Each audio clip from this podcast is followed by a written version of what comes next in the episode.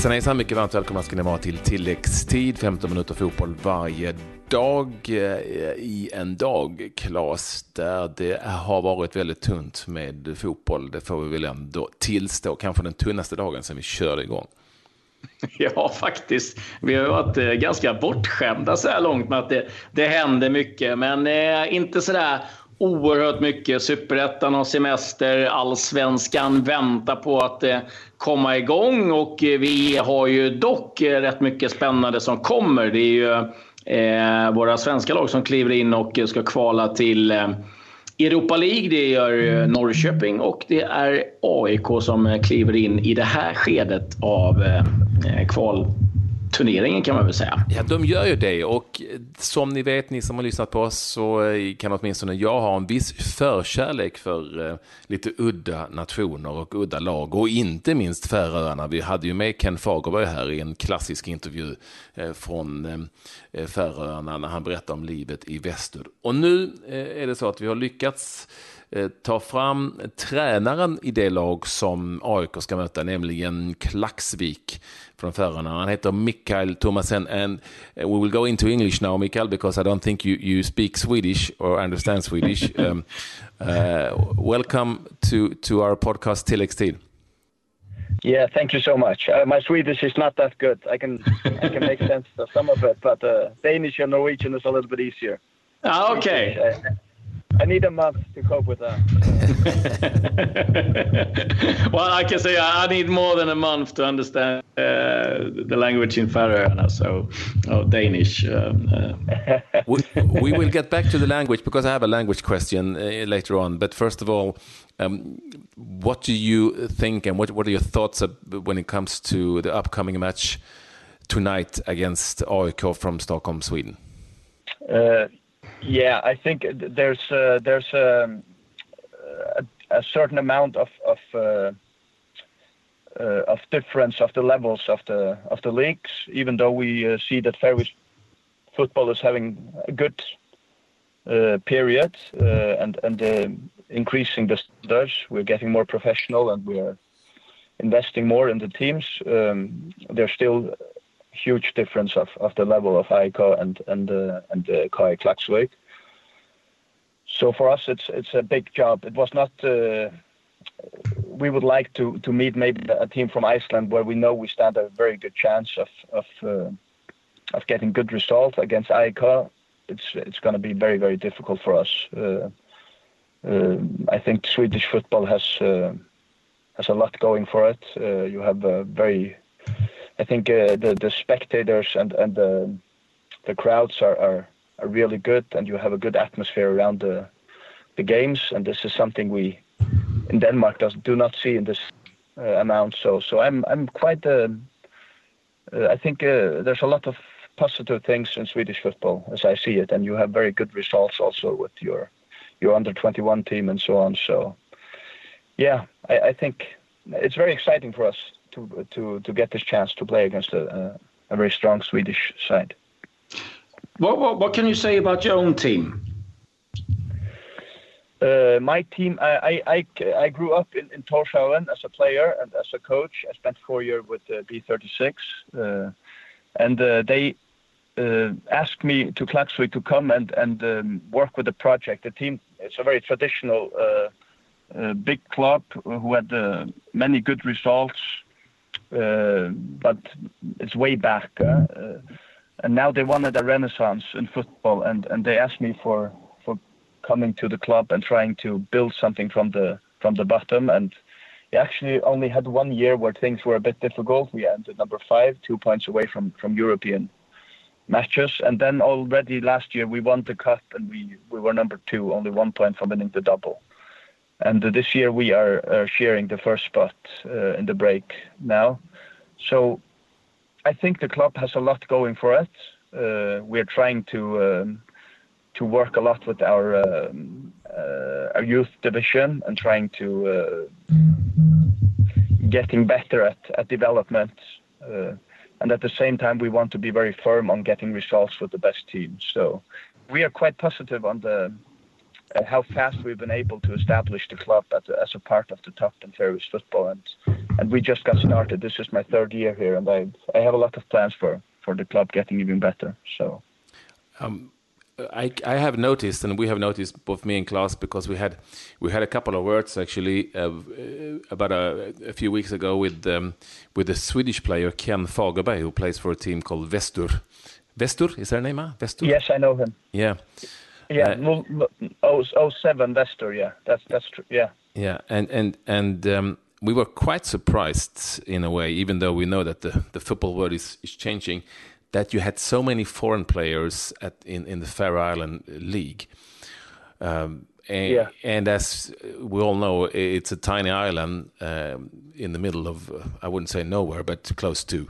Uh, yeah, you, close. Yeah. yeah. it, it, is it is it um, is it hard to get foreign players, or um, and why do they come to the Faroe Islands? Do you think? Uh, no, it's not hard it's actually a, luxury we have. We can attract quite good players, and it's um, it's players in the end of their season or in the autumn of their of their career, you could say, uh, um, or it's players in the beginning of their career who maybe have uh, strived for for maybe first team football in Scandinavia or other leagues, and then maybe struggling, or like Ken, who having difficulties for some years and this is a very it's a quiet place. You, can uh, life is very good here. People are very friendly and nice, and uh, and we have these challenges with the national team and under uh, uh, the youth national team, and also with the clubs that we play European football, and this is a privilege. And then we also have uh, have the uh, the economy to be able to at least make it a little bit attractive for some of the players who are not playing for for um, uh, full professional teams or maybe grow tired of playing in the in the second best division if they don't have um, a chance to or they see that the chances are not very good at coming back into top football in, in Sweden or Denmark or where it is. Uh, this is a different experience for them where they get something more than just uh, what they would experience in the second best division in Denmark, for example. They get a new country, a new culture, and also this challenge of playing European football. And, and as I say, there's also a financial side to it. Uh, so no, I don't find it difficult to to attract players. Uh, it's uh, it's actually quite easy. How many players in your team, Klaksvik, are, are full time professional? Uh, we would uh, we would not demand any of the players to be full-time professional. Uh, uh, we train like a semi-professional side. We train five times a week, and there's one match a week. That would be a normal, and one day off. Friday is a day off. The other days we train. Mm-hmm. So, uh, so nobody is is really living as a full-time professional. But you would say that uh, around six players would be having a wage that would justify them uh, maybe being able to live and get by. But but generally, people get bored if you have to uh, to stay at home and then start training at, at five o'clock in the evening. So, so, so, so many of the players will have a few hours of work during the day. So, uh, so even the foreign players, uh, we noticed you got a couple of foreign players, Serbians, uh, and, and a Dutch player who scored seven yeah. goals, I believe, so far. Yeah. Um, uh, are, are, having extra works they will have uh, like a half-time jobs, uh, and then all the employees are very, um, uh, or the, the yeah, they they are very friendly of the club, so they we are they are able to adjust their work to the football. So when okay. we have matches or when we have training, uh, they will have if they're tired, they will be able to get days off and so on. So we have a very flexible wow. um, attitude towards uh, the football players who who uh, who work. They get a lot of of goodwill from their employer.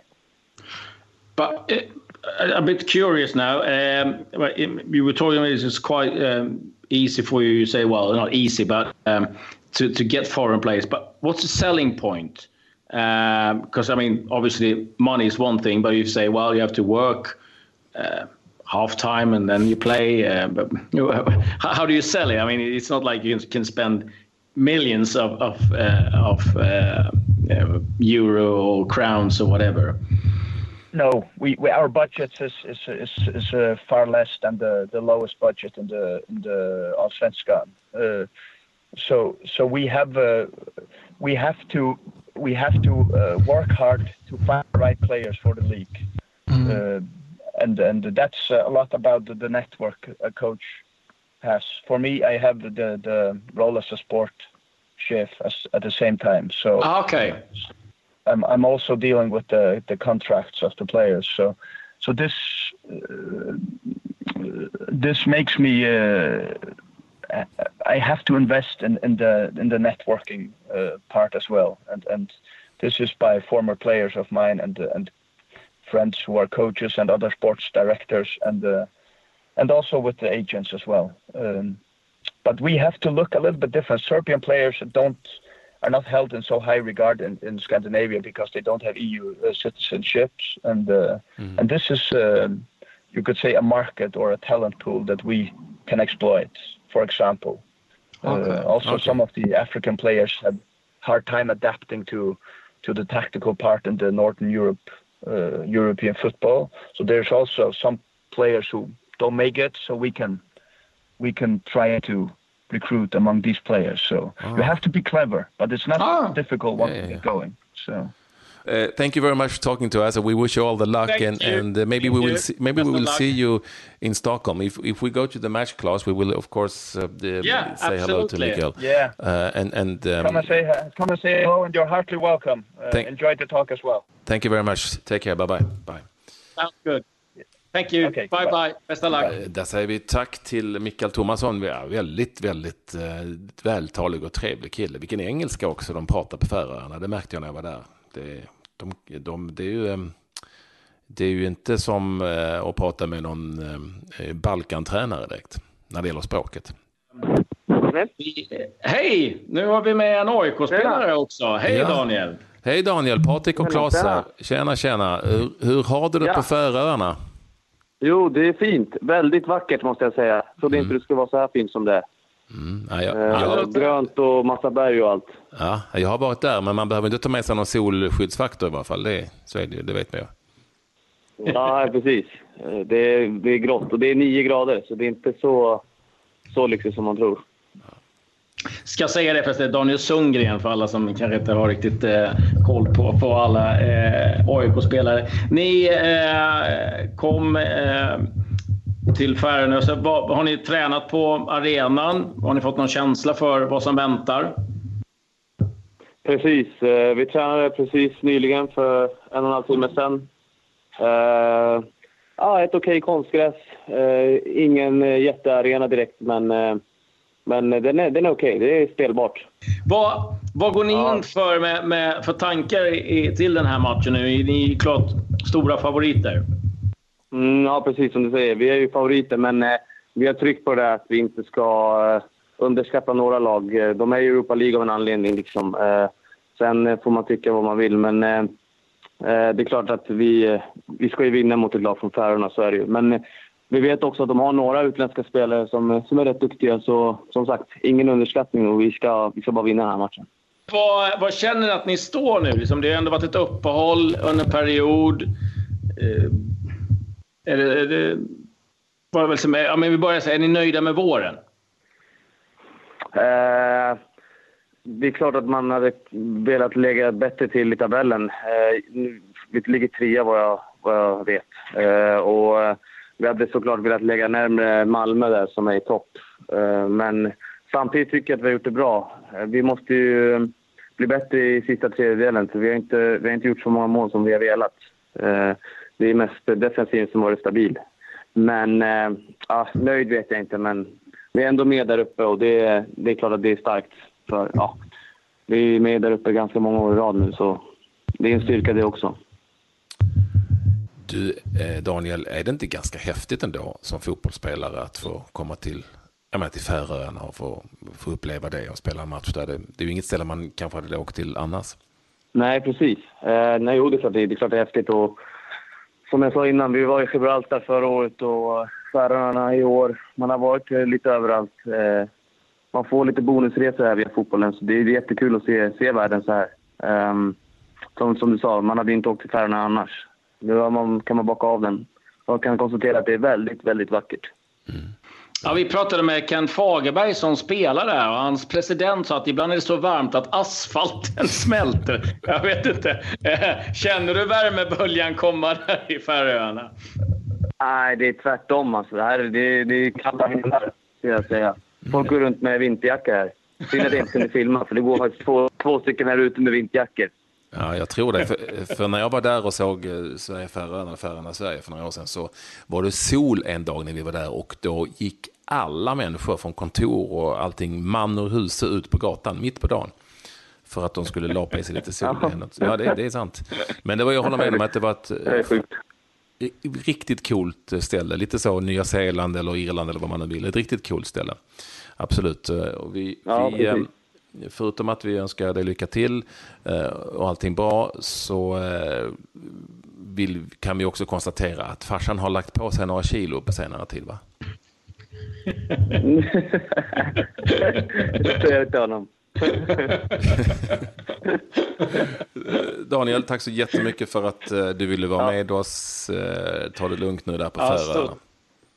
Stort tack Inga och problem. Tack lycka till nu. Tack, tack så mycket. mycket. Tack Daniel, härligt. Ha det bra. Tack Daniel, detsamma. Härligt. Ja. Ciao.